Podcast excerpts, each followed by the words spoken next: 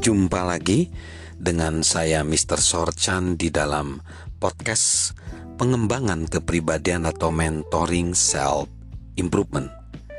Bagaimana cara agar kita dapat bertumbuh secara konsisten? Yang selanjutnya adalah dengan memulainya dengan hal yang sederhana.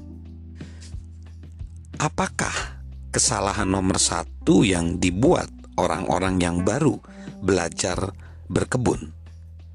Kesalahan yang sama juga dilakukan banyak orang saat pertama kali mengejar pertumbuhan pribadi, yaitu terlalu banyak berusaha. Apakah hasilnya? Keputus asaan. Jika kita terlalu banyak berusaha dari awal, hampir pasti kita tidak akan memperoleh hasil yang diinginkan. Itu memadamkan motivasi. Rahasia membangun momentum motivasi adalah memulai yang kecil dengan hal yang sederhana. Pemikiran ini digambarkan secara jenaka dalam komik komik Peanuts karya Charles Schulz. Setelah gagal melemparkan bola dalam pertandingan bisbol seperti biasanya, Charlie Brown kembali ke tempat istirahat dan menjatuhkan dirinya ke atas bangku. Sialan, ratapnya. Aku tidak akan pernah menjadi pemain liga utama. Aku tidak mengerti. Seumur hidup aku bermimpi dapat bermain di liga utama, tetapi aku tahu bahwa aku tidak akan pernah berhasil.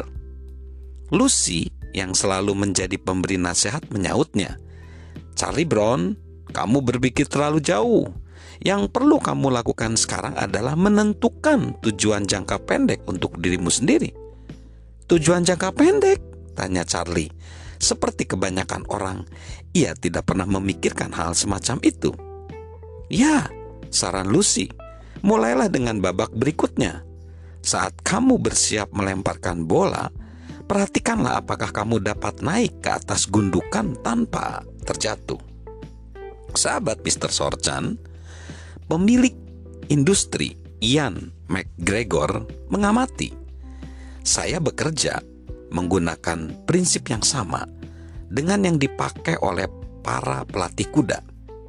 Anda memulai dengan pagar rendah, meraih target yang mudah, dan meningkatkannya sedikit demi sedikit penting dalam manajemen untuk tidak pernah menuntut orang supaya mencoba meraih sasaran yang tidak dapat mereka terima.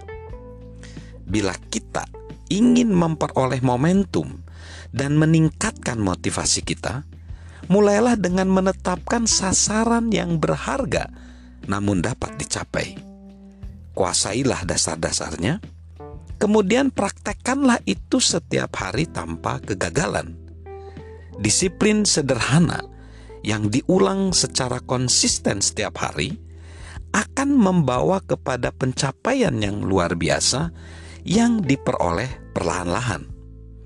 Ini adalah ide yang sangat baik untuk dilakukan saat membaca buku.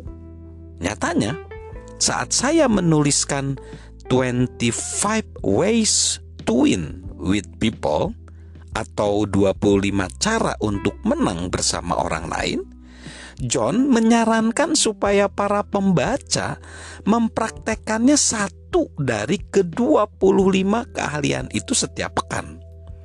Itu menciptakan suatu cara yang mudah untuk membuat kemajuan dengan melakukan sesuatu yang sederhana dari hari ke hari sahabat Mr. Sorchan, jika kita ingin bertumbuh, jangan mencoba untuk menang besar. Cobalah untuk menang kecil. Andrew Wood menegaskannya.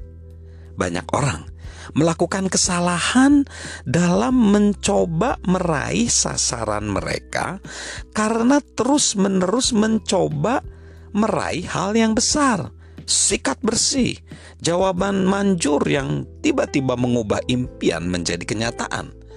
Masalahnya adalah bahwa hasil yang besar tersebut tidak akan terjadi tanpa sejumlah besar hasil yang kecil terlebih dahulu. Sukses dalam sebagian besar hal tidak didapat melalui goresan takdir raksasa, melainkan melalui kemajuan sederhana yang meningkat sedikit demi sedikit. Salam sukses luar biasa dari saya Mr. Sorchan dan bertumbuh selalu.